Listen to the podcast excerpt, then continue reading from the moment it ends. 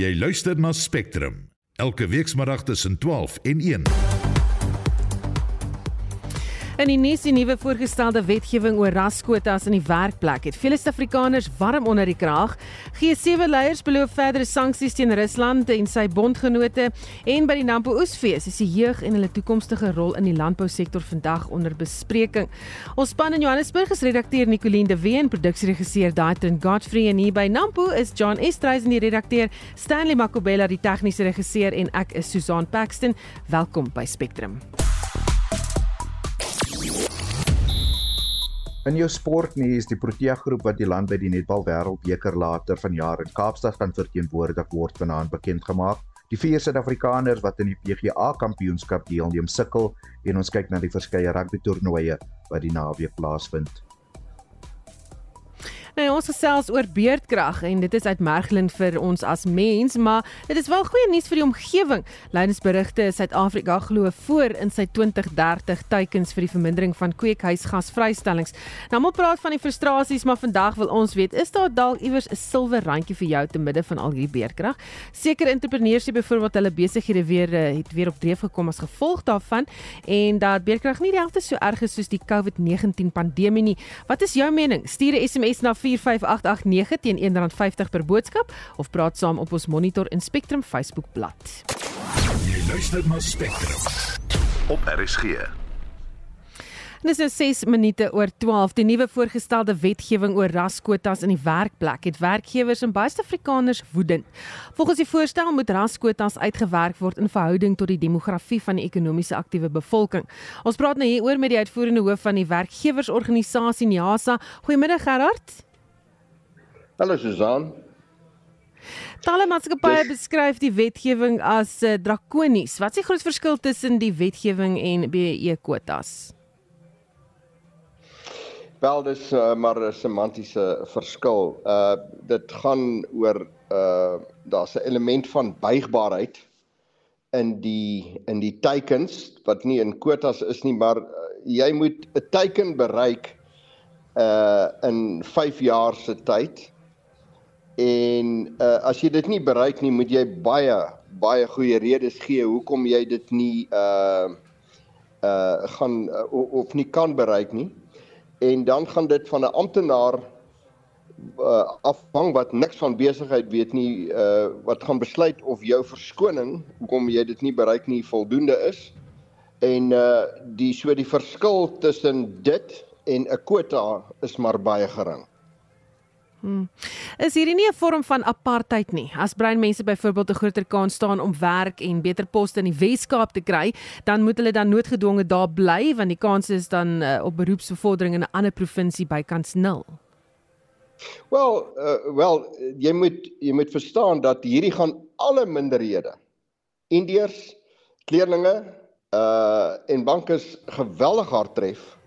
Uh dit is uiters diskriminerend ehm um, dit vat die die reg weg by die werkgewer om te besluit uh wie hy in 'n pos wil aanstel. Nou wat hierdie ouens nie verstaan nie is dat die kultuur binne 'n besigheid is krities belangrik vir die voortbestaan van daai besigheid. En ek praat van kultuur, ek praat van werkskultuur, etiek, al hierdie goed. Dis hoe ou sy besigheid doen.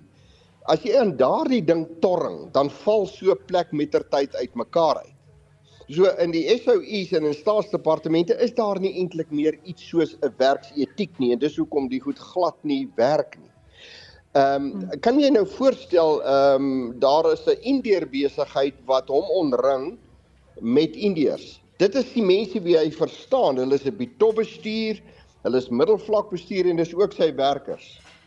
Uh dis sy reg om dit so te bedryf want hy verkies om dit so te bedryf.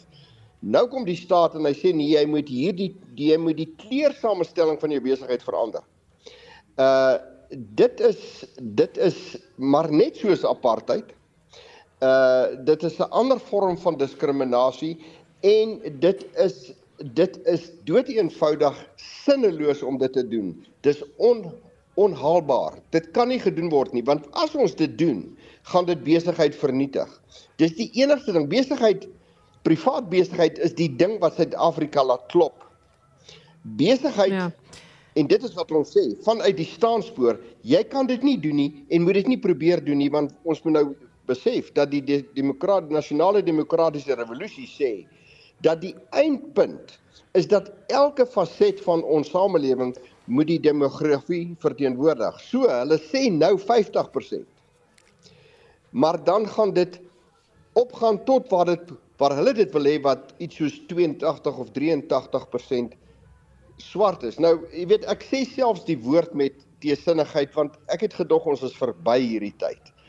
So 'n maatskappy wat besef wat wat wat hierdie ding aanpak, wat op hierdie pad begin loop, moet verstaan dat hierdie is 'n eindelose stryd. Uh ehm um, en en en en en en die hele inherent in entrepreneurskap is die ding van ek kan my werksomgewing bou op die wyse wat ek dit graag wil bou. Dit maak dit suksesvol. Die staat het die staat vernietig. Dit werk nie meer nie. SOU's werk nie meer nie. En nou begin hulle wil hulle hierdie resep op die enigste element in Suid-Afrika wat werk afdwing. Hier is 'n stryd voor en besigheid gaan hierdie stryd moet voer. Baie dankie. Dit was die uitvoerende hoof van die werkgewersorganisasie NIASA, Gerard Papenfoos. Die G7 lidlande vergader tans in Hiroshima in Japan en die oorlog in Oekraïne is besig om die gesprek daar te oorheers. Die G7 beraad het vandag begin en sal eindig op die 21ste Mei. Brittanje het ook pas aangekondig dat hy nuwe sanksies teen Rusland instel oor die invoer van diamante en ander waardevolle minerale en edelmetale. Dis in 'n poging om Rusland se vermoë om die oorlog te finansier te stop. En ons praat nou met Jaco Kleinhans, die hoof van internasionale betrekkinge by die Solidariteit Beweging. Hy sit hier by my in die ateljee by Nampo Park mark want ons saai uit regstreeks van Nampo Oesfees. Goeiemiddag Jaco. Goeiemiddag Susan.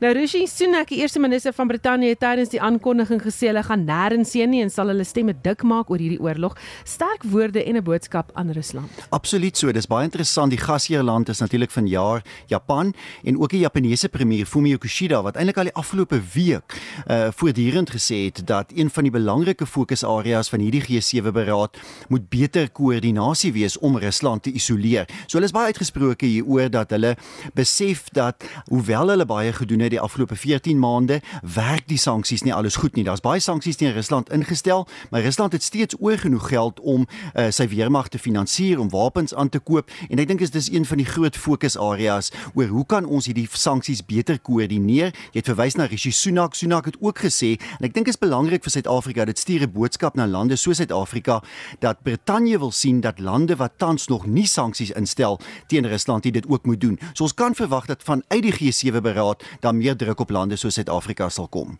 Hmm. En sê vir my, ehm um, hoe belangrik is dit dat Volodymyr Zelensky daar is? Ek verstaan hy is op pad. Ja, baie interessant. Uh, die Franse regering wat blykbaar Zelensky vlieg na na Hiroshima in Japan. Natuurlik 'n baie uh, gevaarlike operasie. Jy weet dit dit mag moontlik wees dat hy deur die Russe geteken word, maar duidelik die Europeërs wat betrokke is wat hom daar wil hê in Hiroshima en hy doen ook blykbaar vandag aan in Saudi-Arabië waar die Arabiese Liga uh, tans vergader. So ons sien 'n verandering in strategie van Zelensky van waar ons byvoorbeeld 'n jaar gelede was ook met die vorige G7 beraad dat Zelensky verlaat nou die grense van Oekraïne toenemend meer om steun te gaan werf. En die feit dat hy nie inskakel byvoorbeeld met 'n videoverbinding na die G7 beraad soos verlede jaar nie maar dat hy fisies daar teenwoordig gaan wees in Japan wat baie ver is van Oekraïne sê vir ons dat ehm um, die die fokus op die G7 vir hom baie belangrik is. Zelensky wil hê natuurlik dat die G7 lande meer sanksies moet instel Rusland meer moet isoleer ehm um, sterker stappe moet neem byvoorbeeld in internasionale forums soos die Verenigde Nasies, maar natuurlik ook meer wapens moet verskaf aan Oekraïne. Maar ons sien ook aan die ander kant vir die eerste keer die afgelope dae van G7 lande geluide oor vredesamesprekings. Daar's nie die afgelope tyd baie daaroor gepraat nie, maar ons sien dat daar vandag op die eerste dag van die G7 beraad verwys is na 'n moontlike vredesberaad uh, vir Oekraïne. En ek dink Zelensky se teenwoordigheid gaan waarskynlik ook 'n bietjie die fokus daarna toe verskuif. So wat is wat anders gaan op die sakelys wees? Wees daar. Ja, interessant genoeg uh, natuurlik gaan Oekraïne uh, en Rusland domineer, maar China is ook belangrik. Uh, uh, dis interessant uh, natuurlik dat die beraad vir jaar in Japan plaasvind. Asië is toenemend belangrik omdat die mag in die wêreld stadig maar seker verskuif na Asië, militêr, polities en ekonomies. Uh, Japan uh, is staan natuurlik daar in 'n in 'n groot kontras met China met die Chinese wat op 'n ander wyse as Japan en die G7 lande hulle mag probeer uitbrei. Ons sien byvoorbeeld dat die Chinese regering tans 'n beraad hou vandag in in China vir Sentraal-Afrika lande, eintlik almal autoritaire state, niemand demokratiese state nie. En ek dink dus daar sal behalwe vir Rusland en Oekraïne ook 'n fokus wees op China, China se groeiende mag in Asië, kommer oor Taiwan, uh, die uitdagings van veiligheid in Asië en dan as ons weier kyk as dit kwessies soos klimaatsverandering, um, uh, kommer oor 'n toekomstige kernoorlog. Uh, Japan is baie bekommerd daaroor natuurlik met Noord-Korea wat tans kernwapens vervaardig. So 'n baie lang sakelys en ek dink die die G7 leiers gaan gaan besig wees oor die volgende 2 dae. Baie dankie. Dit was Jaco Kleinans, die hoof van internasionale betrekkinge by die Solidariteit Beweging wat tyd in sy dag ingeruim het hier by Nampo om met ons te kom praat. Baie dankie Jaco. Dankie Susan. Hy is ook Sondag aand op kommentaar, so onthou om in te skakel tussen 8 en 9 Sondag aand en uh, as jy wonder uh, waar jy kan sien of dalk weer gaan luister na hierdie onderhoude, Annelien Moses is besig om vir ons Facebook live te maak. Hallo, hoe jy my sien. En uh, so, jy kan gerus op ons blad gaan kyk en uh, saam luister en dan sommer sien wat ons hier doen. Die regering sê hy blameer die COVID-19 pandemie vir graad 4 leerders se onvermoë om met begrip te kan lees. Volgens die uitslag van die 2021 internasionale vordering in lees- en geletterdheidstudie sukkel 81% van alle graad 4 leerders om met begrip te lees. Die minister van basiese onderwys, Angie Motshega, het tydens haar 2023-2024 begrotingsrede die leerders se swak prestasie aan die pandemie toegeskryf. Die studie het die vergrootglas opnuut op leerders se prestasies sedert die pandemie geplaas. The devastating effects of COVID-19 pandemic on teaching and learning since 2020 continue to be a cause of great concern. Chair, I've already requested our researchers to analyze the impact of COVID-19 on our basic education system, the lost ground, and the return of schooling system to its earlier improved trajectory. And according to Professor Martin Gustafson, by the end of 2021, the average grade 4 learners could read, and therefore there has been a loss of nearly of almost a year of learning from COVID-19. Motshekga glo egter dat Suid-Afrikaanse leerders nie te vrot vaar nie. PILS 2021 is the first international large-scale assessment to report the results after successfully collecting data post-COVID assessing 400 and, uh, 400 400,000 learners in 57 countries, and South Africa was one of the three countries that participated in the program, including Morocco and Egypt. So, from the continent, there were only the three of us. PILS 2021 summarized the state of global learning poverty, which is defined by the share of learners who cannot read with meaning at the age of 10. Motshekga het behoorlik onderskoot gekom toe sy uitgevra is oor die departement se mislukking om beter lees- en geletterdheidsvaardighede te bevorder. Sy het egter aangevoer sy is bereid om die departement in die hof te verdedig. We are the only three countries in the continent that participate in PILS. The question is why? Why have other people run away from PILS? There are, it was Morocco, Egypt, and ourselves. As a party Thank that you, has- Minister. Your time is that has for liberation will fight also in PILS and we're going to succeed. Die minister hou vol dat die studie se resultate tekortskiet. And want to repeat, our kids can read. They can combine M and A to mean man. But very many of them, like many of us here, are not able to operate at a cognitive level where we're coherent, we're systematic, we can make references, and that's why they're not passing. And instead of being condemned, Chair, I think we should be commended as this government for being a courageous government. Dit was die minister van basiese onderwys Angie Motshekga. Die verslag is saamgestel deur Abongwe Kobokana in die parlement en ek is Marlie Skeepers vir SAK nuus. Die minister van polisie, Bekkie Cele, het die week sy strategie vir die parlement ter tafel gelê om misdaad doeltreffend te takel en die publiek se vertroue in die polisie mag te herstel. Die direkteur van die teenmisdaadorganisasie Action Society, Ian Cameron, het in reaksie hierop 'n video op sosiale media geplaas waarin hy die minister eerstens uitmaak as 'n leenaar en ook krake in sy beoogde strategie uitwys. En ons praat nou met hom. Goeiemiddag, Ian. Goeiemôre Susan. Sê vir my, hoe beplan die minister om die publiek se vertroue terug te wen? Man, hy sê eintlik die plan sal die publiek se se vertroue terugwen, maar die plan is niks anders as wat dit was vir die afgelope 10 jaar nie. Daar's bitter min van die strategie wat werklik wesenlik verander en dit spreek grondvlak kwessies aan, maar dit is nie iets wat die die kern van die probleem aanstel soos byvoorbeeld swak leierskap, tekort aan spesialistkennis, tekort aan goeie opleiding ensovoorts. Ons kan nou praat oor dit. So daar is nie iets wesenlik waar hy sê kyk, hierdie is hoe ons die integriteitskwessie van die polisie gaan aanspreek nie. So hy skep die indruk asof die polisie se bestuur totaal die regte groep mense is. Hy skep die indruk dat die polisie 'n uh, integriteitsreus is wat ons almal weet nie die geval is nie. Hm. Ehm um, jy het nou verwys na hierdie verslag. Is daar sleutelpunte wat hy genoem het wat jy glad nie mee saamstem nie? Wel dit gaan eintlik oor wat hy nie genoem het nie. Uh daar's uh, en ek gaan ek gaan gou begin. Ek het dit sommer hier voor my nou neergepen. Ehm um, onder andere sien ons glad nie dat daar gepraat word van gespesialiseerde eenhede terugbring nie. Hy praat in sy verslag van die sowat 10000 beamptes wat hy per jaar wil ontplooi uh, addisioneel in die land, maar hy praat glad nie van hoe ons gaan seker maak dat spederkapasiteit gaan toeneem nie. Hy praat ook nie van 'n gesinkroniseerde of 'n uh, 'n uh, uh, beter gekoördineerde strategie saam met die departement van justisie en korrektiewe dienste of natuurlik iets so sosiale ontwikkeling nie wat 'n wesenlike invloed op misdaad in die land het nie. Hy praat glad nie oor hoe ons gaan seker maak daar nie verder politieke aanstellings in die polisie gaan wees nie en hy praat ook nie oor hoe ons korrupsie op senior vlak in die polisie gaan aanspreek nie. So dis basies 'n pleister wat hy wil plak op 'n wond wat uh, wat uh, wat 'n operasie nodig het. En uh, en dan laastens praat hy ook nie van hoe ons polisielede se ervaring en loopbaanontwikkeling kan verbeter in die toekoms nie, want sekerlik moet ons vir hulle 'n plan kan gee of kan help ontwikkel om 'n volhoubare loopbaan in die polisie te kan bou in 'n geloofwaardige stelsel wat werklike impak op grondvlak maak en wat iemand 'n loopbaan geleentheid gee om op trots te wees en nie net daar is om 'n salaris te trek nie. Een wat sal jou eerste prioriteit wees om misdaad in die land te bekamp?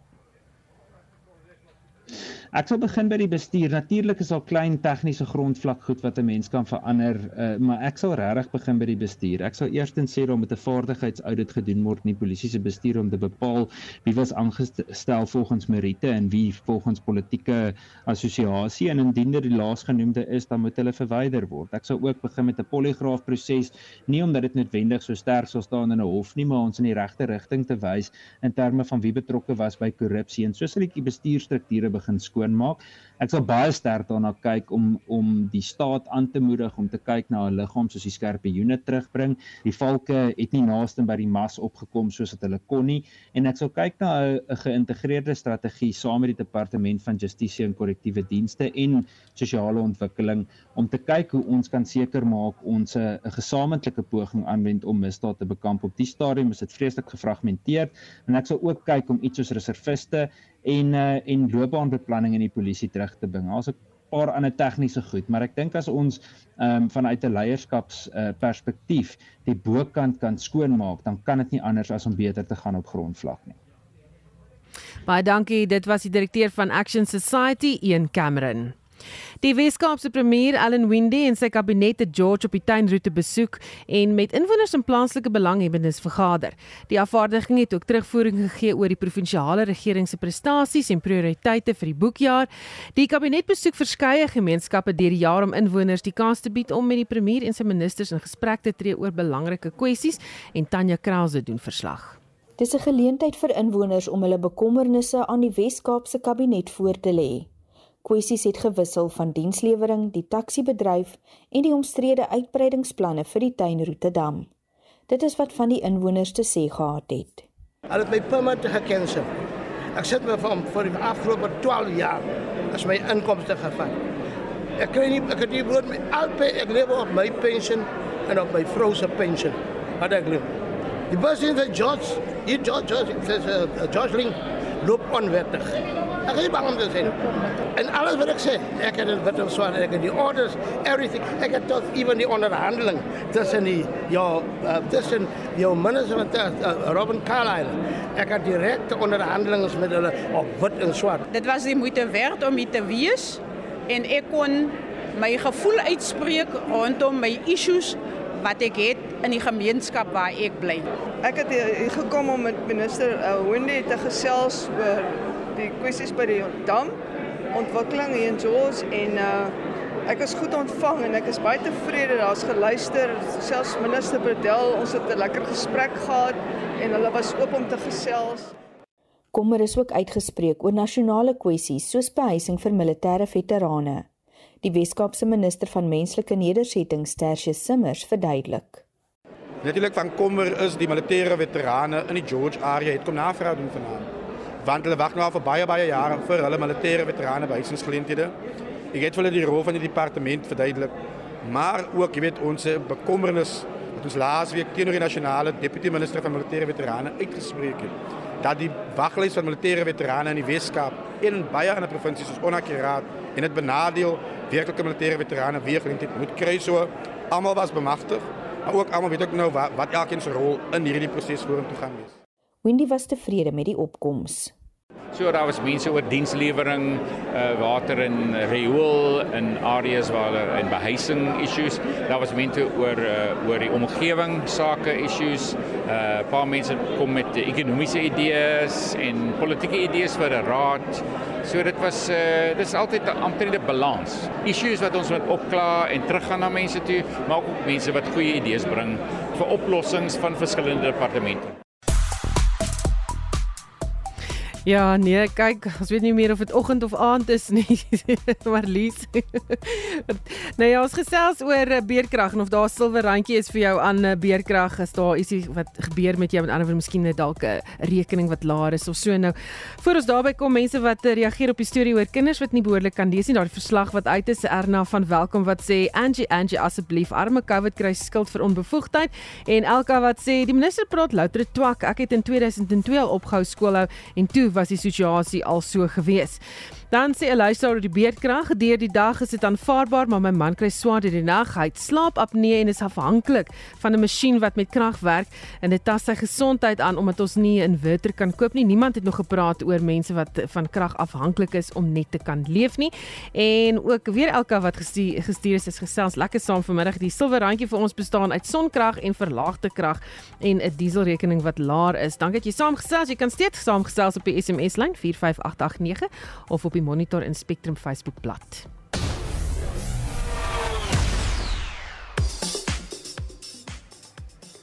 Jare Hendriks het ons die jongste sportnuus.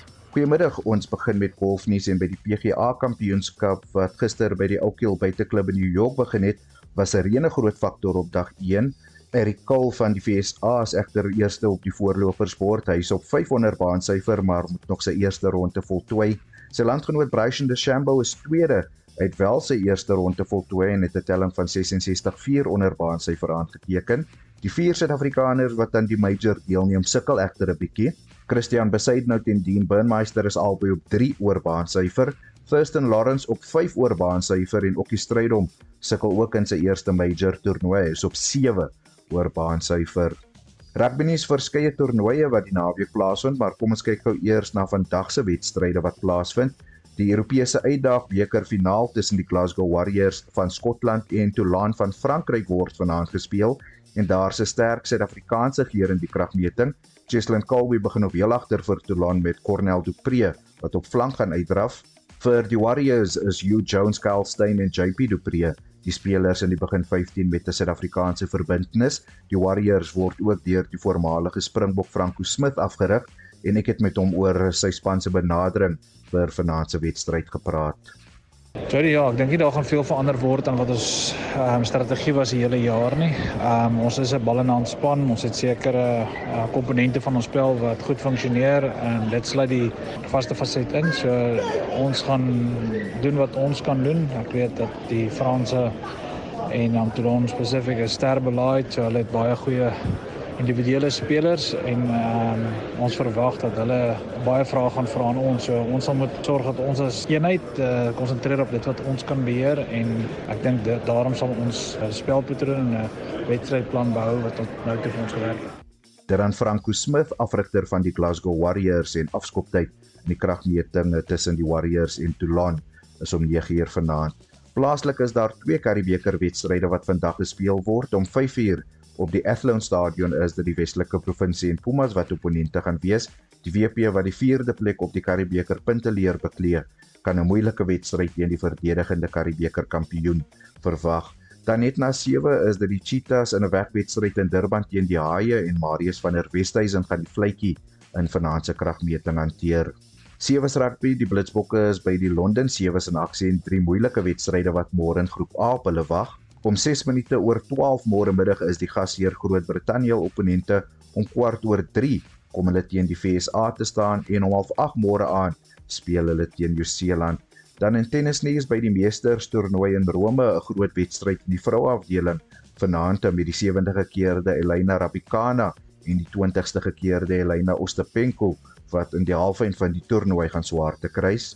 En dan eindig ons met netbal nuus. Die groep wat die land later vanjaar by die netbal wêreldbeker in Kaapstad gaan verteenwoordig, word vanaand deur die afrigter Norma Plammer bekend gemaak. Daar word verwag dat sy ervare span sal kies met 9 spelers wat Suid-Afrika in 2019 se wêreldbeker toernooi verteenwoordig het. Se name wat straks uitgelees gaan word, Jody Hendricks vir RSG Sport.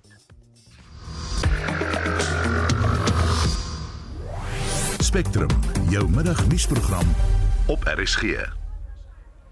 Nou saai uit hierso van die Nambo Oesfees in uh ja, net buite Botawil in die Vrystaat. En die gonswoord hier op die Nampo standplaas die week was Wagyu burgers. Nou die toue vir die gesogte stukkie vleis is elke dag nog baie baie lank, maar hoekom die opgewondenheid oor hierdie beesvleis? Ons praat nou met Ilandri de Bruin, die bestuurshoof van Wagyu Suid-Afrika. Welkom hier. Dankie Susan, is lekker om hier met julle te wees en met julle uh, luisteraars te gesels. So almal praat oor hierdie vleis. As hulle instap, dan vra hulle eers, "Waar is dit? Waar kan ons daai uh, hamburger gaan koop?" En uh, waaroor hierdie opgewondenheid? Uitstekend. Ja, nee, waaroor die opgewondenheid? Dis 'n baie goeie vraag. Die opgewondenheid is oor die die uniekheid van die vleis. Die smaak van die vleis is regtig anders as jou gewone beesvleis wat jy ken en by jou gewone supermark optel. En dis natuurlik as gevolg van die vet in die vleis. Um min mense weet dit, maar vet is eintlik waar die smaak van vleis vandaan kom. Of jy nou bees of hoender of vark praat, die smaak van vleis kom uit jou vet uit. En wat Wagyu nog meer uniek maak, is die samestelling van daardie vet. Dit laat toe dat daai vet by kamertemperatuur smelt. Dis bottersag, romerig, botterig in jou mond. Sit nie in jou verhemelte vas nie en is ook baie baie gesond en dit is die baie goeie nuus. Jy praat my nou honger. Ehm um, vertel ons van die naam. Daar's 'n unieke agtergrond tot die naam. Yes, ja, so die naam Wagyu is 'n Japaneese naam. Ehm um, so die ras is eintlik twee rasse wat in Suid-Afrika is. Ehm um, maar die woord Wagyu beteken Japanese cattle of our cattle. Ehm um, dis dieselfde soos om in Japanees te sê bees of koei. Hmm. So dis dieselfde as dit. Maar die twee rasse wat ons in Suid-Afrika het, is die Japanese Black en die Akaushi. En die Akaushi is 'n rooi lyn wat van Japan afkom en hy was bekend as the Emperor's breed omdat die emperor so baie van die rooi kleur gehou het dat hy hulle almal vir homself geëien het. Hmm. Die die bees lyk ook 'n bietjie anders as 'n ander bees, reg? Dis dis korrek ja. Ehm um, meeste stoetbee uh teelers sal vir jou sê dat hulle hou nie van 'n wagyu nie want hy lyk vir hulle lelik, maar hulle is so gewoond aan skoue, maar um, ons in wagyu sê dat die waarde van wagyu, hy lyk mooi wanneer die pyjamas afkom. En wat hom interessant maak is, ons praat van 'n reversed carcass en wat dit beteken is wanneer jy gewoonlik 'n karkas opsny, is al jou lekker snitte kom uit die onderkwart of die agterste kwart uit. Maar met Wagyu kry jy jou beste snitte uit die voorkwart uit. En dit is omdat hierdie beeste 'n spesifieke doel verrig het daar, jy weet in Asië voor hy na toe gekom het. Dis korrek. Ja, so toe hulle in Japan was, was hulle as trekdiere gebruik. En wat interessant was is way back when in die voor die 1800s, um, was daar 'n tekort gewees aan lewende hawe in Japan. So wat die boeddhistiese monks gedoen het, is hulle het vir die populace gesê dat dit is oneties om vleis te eet.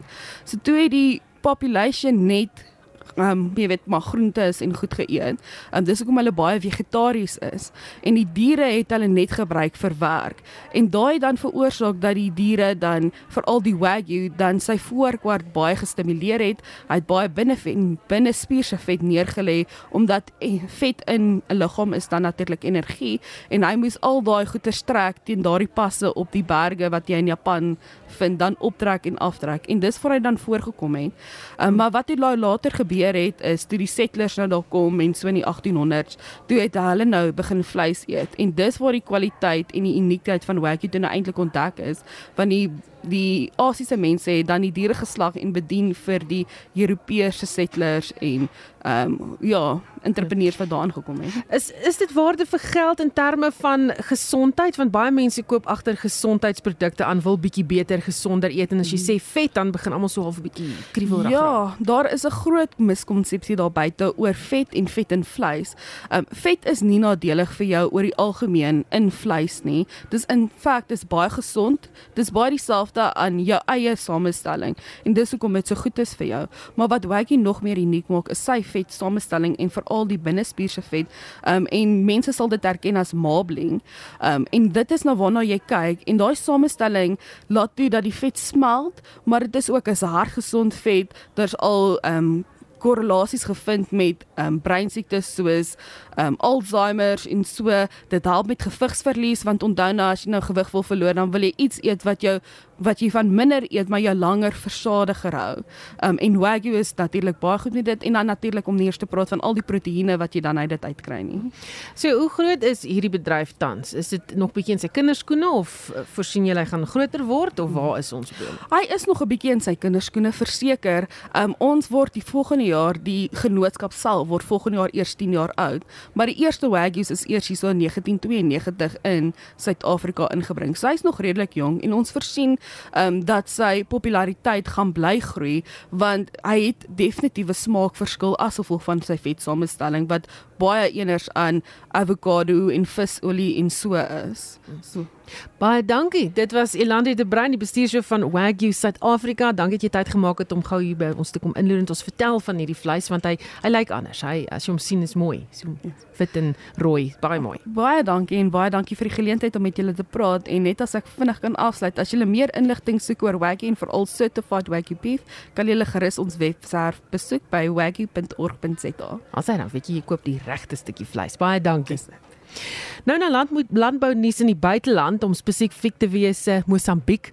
Landbou is 'n baie belangrike element van die Mosambiekse ekonomie en het verlede jaar 25,6% bygedra tot die land se bruto binnelandse produk. Volgens hulle departement van statistieke het die vlak van armoede of staan die vlak van armoede op 60% in daardie land verlede jaar. Die land spesialiseer in tabak, katoen, suiker en teeverbouing. En 'n man wat ook sy heil daar gaan soek het is Gordon Cornish, die redakteur van die Mozambique Cattleman tydskrif en hy boer met bonsmaras daar ons praat nou met hom. Welkom hier. Uh, Goeiemôre uh, Susan en die luisteraars baie dankie vir die uitnodiging. So hoe vergelyk boerdery in Suid-Afrika teenoor boerdery in Mosambiek? Wel, ek praat van my eie ondervinding en ek sal sê hoofsaaklik begin ons by skaal. Die Mosambiekse boer is nie gewoond aan die skaal waar hy Suid-Afrikaner gewoond is aan grootskaal boerdery. Die meeste boerdery wat daar plaasvind is is uh, bestaansboerdery en ehm um, hulle leef eintlik van hand tot mond. Daar's genoeg kos vir hulle, so hulle is uh, hulle is nie bedreig deur eh, 'n uh, tekort aan kos, maar daar's nie 'n mark vir die wat hulle produseer. Wat is die grootste uitdagings vir julle daar in Mosambiek wat betref landbou en en weet julle bedrywighede? Wel, die die uitdagings ehm um, is veelsidig. Kom ons begin by die netwerk. Die, die netwerk is is baie klein en dit werk met WhatsApp groepe.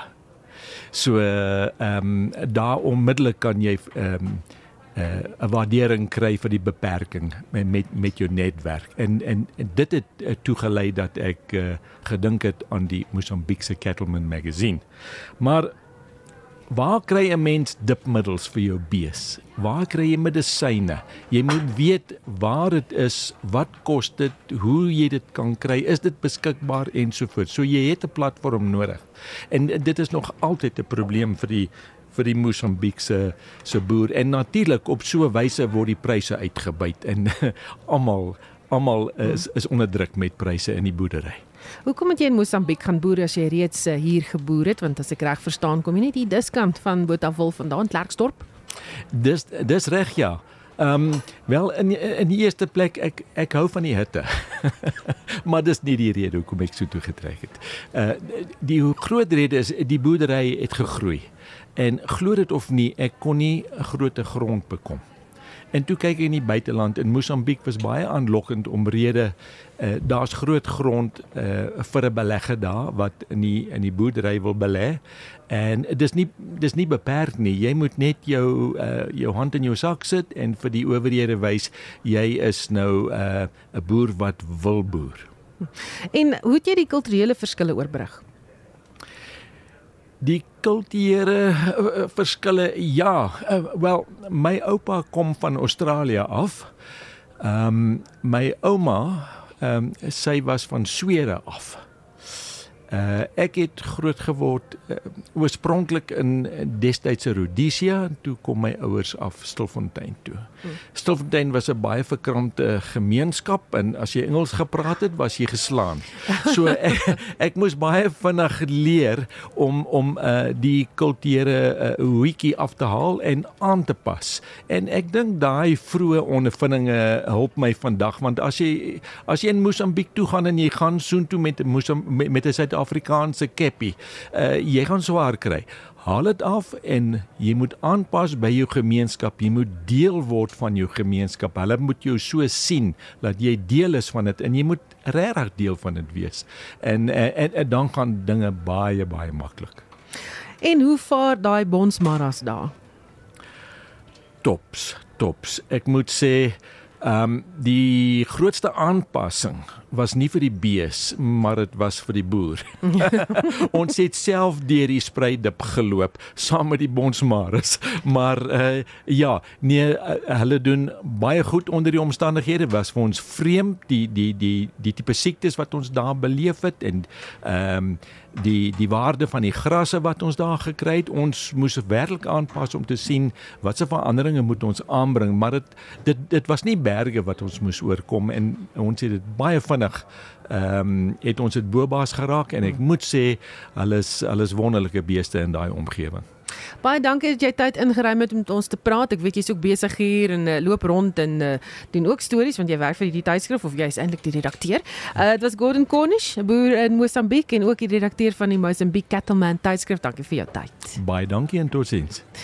Die wêreldverkeer onder geweldige ekonomiese druk in Suid-Afrika is geen uitsondering nie. Almal trek swaar in alle sektore. Die Nampo Oesdag wat jaarliks gehou word, se hoofdoel is om boere 'n plek te gee waar hulle blootgestel word aan alle toerusting en nuwe tegnologiese ontwikkelings wat daar eh, in die sektor is. Maar hier praat mense nie van 100 000 rand vir 'n implement nie, maar sommer maklik van miljoene vir toerusting. Maar het mense nog geld om die toerusting en tegnologie te kan koop? Ons praat met Herman Groenewald, die algemene bestuur van John, John Deere Financial. Uh, Goeiemiddag Herman. Goeiemôre. Ja, nee, een van daai groen en geel trekkertjies van julle. Nie sommer iets vir almal wat kom koop. Herman, uh, die Busters het 'n tyd gelede verslag bekend gemaak oor die feit dat verbruikers al meer op skuld leef. En wat is julle ervaring? Kan mense nog die tegnologie en toerusting bekostig in die landbousektor? Verseker, ek ek dink wat ons sien in die landbousektor is ons is geseënd met 'n paar goeie jare. Ehm um, so 5 jaar terug was daar 'n paar moeilike seisoene. Ek dink die manne het teruggehou 'n bietjie met vervanging van daai toerusting, maar regtig oor die laaste 3 jaar uh goeie reenseisoene gehad, goeie kommoditeitspryse. Ehm um, so ons sien ons sien goeie vervanging van die toerusting. En uh ja, die toerusting is is aan die aan die duurder kant met die wisselkoerse wat ons deesdae sien, maar daar's daar's finansiering beskikbaar vir dit. Ek weet daar's baie van die boere wat nog altyd sê maar ons ons wil kontant boer. Ehm um, maar daar is ook maar risiko's daaraan verbonde om kontant te boer want as jy nou daai kapitale uitleg maak om om daai stuk toerusting met met een slag te koop as jy volgende jaar 'n bietjie swakker seisoen het, um, dan het jy nie daai nodige kontant om jou deur te sien deur daai seisoen nie. Waar as jy hom gaan finansier, dan kan jy nou daai risiko versprei oor so 4 of 5 jaar afhangende hoe jy dit wil doen. En as jy 'n moeilike jaar het, dan kan jy regtig net daai 1 jaar wat jy daai paaiement moet deursien en dan het jy daai nodige kontant wat jy gespaar het met die aanvanklike aankoop.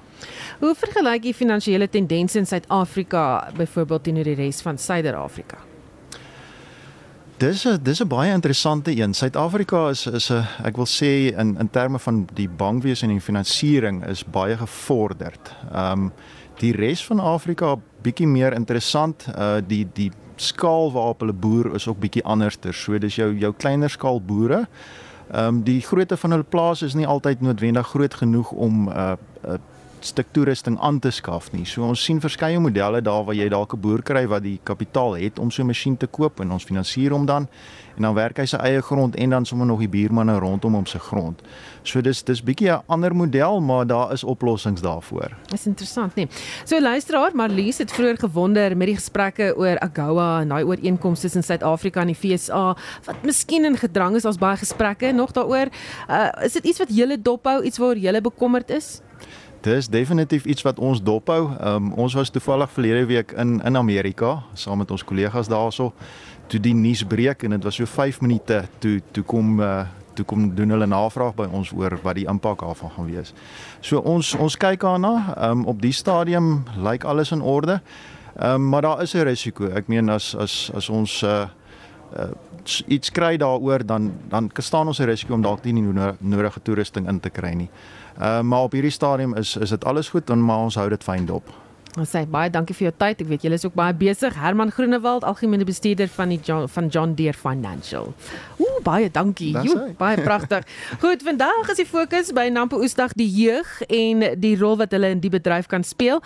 Ons praat met Dr. Dani Jordaan, senior dosent in landbou-ekonomie aan Universiteit van Pretoria oor die jeug in landbou. Goeiemiddag, welkom hier sit vir my lekker naby aan die mikrofoon. Baie baie dankie.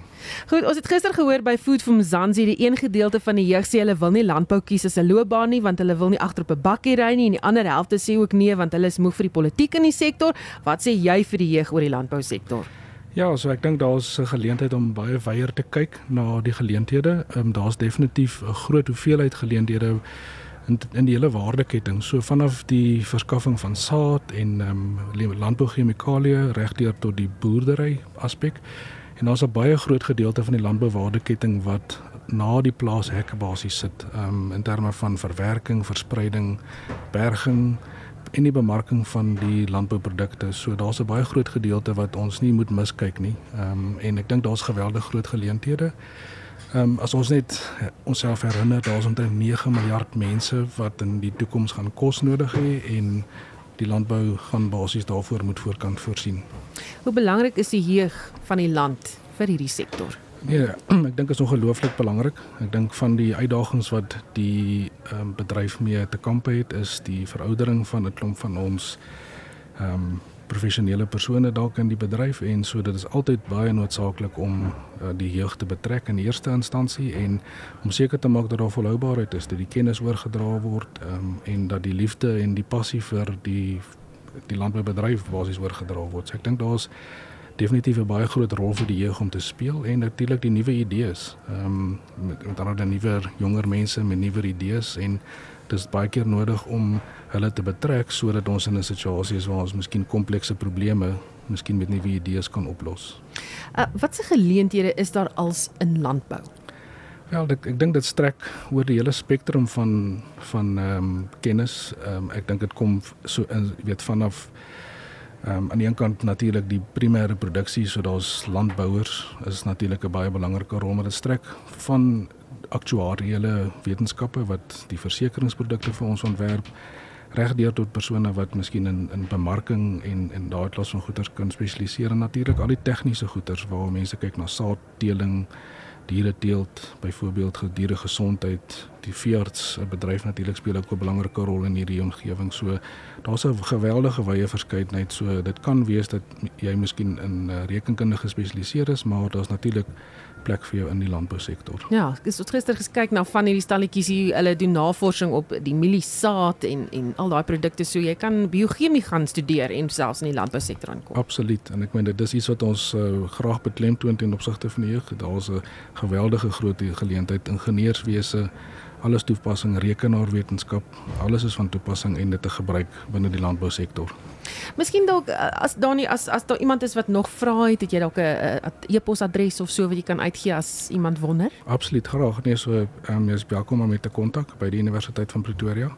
Uh my e-pos dani.jordaan@ip.ac.za baie dankie. As daar iemand is wat vra, sal ons verseker vir hulle gee. Dankie dat jy kom inloer het. Was Dr. Dani Jordaan, senior dosent in landbou-ekonomie by die Universiteit van Pretoria. Nampo Oesdag het al so uitgebrei dat daar nou uh, ook een in die Wes-Kaap gehou word. Ons praat nou met een van die organiseerders van hierdie skou, De Toy Wessels. Sê vir my, wel eers welkom. Baie dankie Susan, ek kom hier te wees. Gewoonlik het ons met jou gesels as uh, een van die organiseerders hier by Nampo. Uh so wat noem ons jou dan nou? Ek dit was vir my na 10 jaar wonderlik om ook Nampo te kon geniet as 'n gas in die rond te loop en jy sê hulle het baie goed gedoen so. Nee, ek uh, ek gaan nog een in die Kaap doen, Nampo Kaap Force doen in September. So ja, ek het 'n uh, lekker bietjie uh, huiswerk gedoen hierso. Hmm. So hoekom nog so 'n skou? Ag ek dink die behoefte het ontstaan dat baie tyd is ons Kaapse boere nog besig om te plant hierdie tyd van die jaar en die afstande is ver en um, ek dink daar's 'n behoefte die weet in die, in die verlede was daar in Bindon vir die vrugte en vrugteboere en die groenteboere so daar's nou geleentheid uh, in Bedaarsop om daartoe geleen en laas jaar was 'n sukses en hierdie jaar um, ons is oogval met aansoeke vir stalletjies um, ons gaan dit 'n streekskou hou. Jy weet Botha Botha wil se Nampo is die nasionale een maar uh, uh, ja uh, uh, dit loop oor vir aansoeke vir vir Bedaarsop hmm.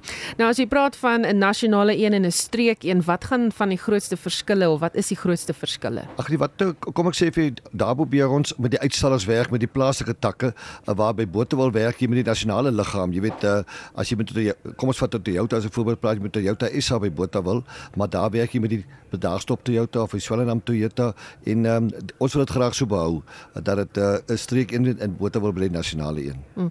En sê vir my is daar ook miskien dalk 'n ander fokus in terme van die landbou. Hierso baie graan mielies is daar 'n ander fokus soos miskien wynboerdery of druiwe Ja ons die vier faktor is baie sterk daar so en jy weet ons is baie opgewonde. Ons gaan vir jaar die Lippezaners hy as met 'n perde vertoning elke dag.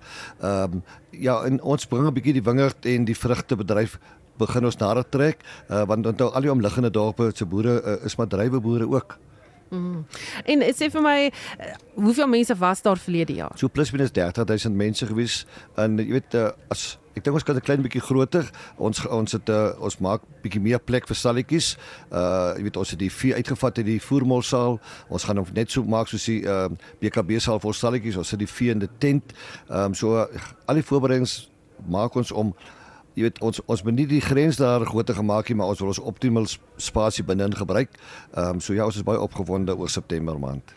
Doi jy jy het hierdie Nampo skou soos hy hier staan uh, help dryf en gegroei soos op hierdie stadium waar hy nou is. Nou is jy besig met die ene daar in Berdasdorp. Hoe moeilik is dit om so iets soos hierdie aan mekaar te sit? Wat behels dit alles? Ja, yes, ek ehm um, ek wil my hoed afhaal vir die mense wat dit organiseer. Ehm um, dit is dit is dis dis Nampo Botawil is is groot en Nampo Botawil is is is die organisering daarvan. As die week aan die gang is dan raak dit eintlik makliker maar die 3 4 5 maande voor dit. Ek bedoel jy kan nou na die groep kan nou hierdie week of twee nog 'n bietjie rus maar van Junie maand af begin jy beplan vir volgende jaar se Nampo Botawil dit is nie dit dit dis 'n reuse uh, ketting en 'n 'n klomp mense saam wat dit suksesvol maak Hmm. En iets soos beerdkrag maak dit oh, dinge moeilik. Dit maak dit glad nie makliker nie. Ja, jy moet uh, jy moet jy moet gerad wees daarvoor. So um, ek wil net help. Jy moet jou beplanning daarvoor ons doen. Ek sê altyd as jy as jy enige event beplan, moet jy maar doen vir wat kan gebeur. Hmm. En dan uh, ook ek het bestaan om te wonder ek sjoe, hierdie is 'n verskriklike groot perseel. Uh het jy raad vir mense wat hier na toe kom? Waar begin ek? Waar eindig dit? Hoe kan ek 'n optimale dag spandeer op so 'n groot plek en alles sien wat ek kan en moet? Susan, ek was nou al die jare bevoorreg om met 'n golfkarretjie vir motorfiets rondry, so ek het hierdie 4 dae ook nou ervaar om op en af te stap. Ek sê altyd vir mense, vat die kaart en deel Nampo Park in blokke en stap hom op en af. As jy zigzag stap soos 'n Z, dan gaan jy jou moeg stap. As jy in blokke doen op en af en jy sê jy gaan eendag hierdie gedeelte doen en die ander dag die ander gedeelte, dan kan jy nogal ek dink jou dag mooi opdeel en rustig stap. Maar ou moet maar 'n bietjie vlug stap vir soos jy na toe wil kom. Ja, ek het eh, 'n uh, paar manne gehad wat gesê het, "Ooh, 8 km vandag gestap." nee, baie maklik. Maklik. Ons sê, uh, dit toe baie dankie dat jy hier was. Jy tyd met ons kom deel het en uh, ja, sterkte met uh, Bredasdorp. Ja. Ek dink dit gaan lekker wees weer. Ja, baie dankie. Dankie dat julle ook die weekie maak. Julle kleer die prentjie in vir die mense, hoor. Ja, bietjie 'n prentjie skets. En as jy wil sien hoe dit lyk, daar is Facebook video's op uh, ons Facebook bladsy, daar's foto's en uh, jy kan gaan luister weer na van die stories in die pot gooi en uh, net om te sê dit toe wessels van jy's nog steeds van Granies A? Oh, nee, nee. afgetree? Ja, rustend. Hy's rustend gegraan is Aleet. Wat gesels het so ja, gaan kyk op al ons sosiale media kanale, daar sal jy uh, al hierdie interessanthede sien wat ons hier gedoen het en uh, wat alles hier by Nampo gebeur het, dan kry jy so klein bietjie van 'n uh hoe dit prentjie, prentjie hoe dit lyk. Net so vinnig uh, nog van die terugvoer wat ons gehad het oor ons vrae vandag oor die uh interessanthede van die van die krag en of daar enige iets is wat uh jy miskien 'n ligpuntjie is oor oor die kragkrisis en uh, dan sê iemand maar dis nou baie tong in die kies. Het iemand daarin gedink dat Eskom dalk COVID het? Daarom die aan en af kragkrisis. Nou daarmee groet ons vir hierdie week. Die span hier by Nampo is die klankregisseur Stanley Makubela, ons redakteur John Estreisen en Annelien Moses en en dan in Johannesburg is die uitvoerende regisseur en ons redakteur vandag Nicoline de Wee. Die klankingenieur Daitrin Godfrey, dankie dat jy saam geluister het hier van Nampo Oosdag af by die Nasie in gesprek saal. My naam is Susan Paxton. Onthou 360 net hierna.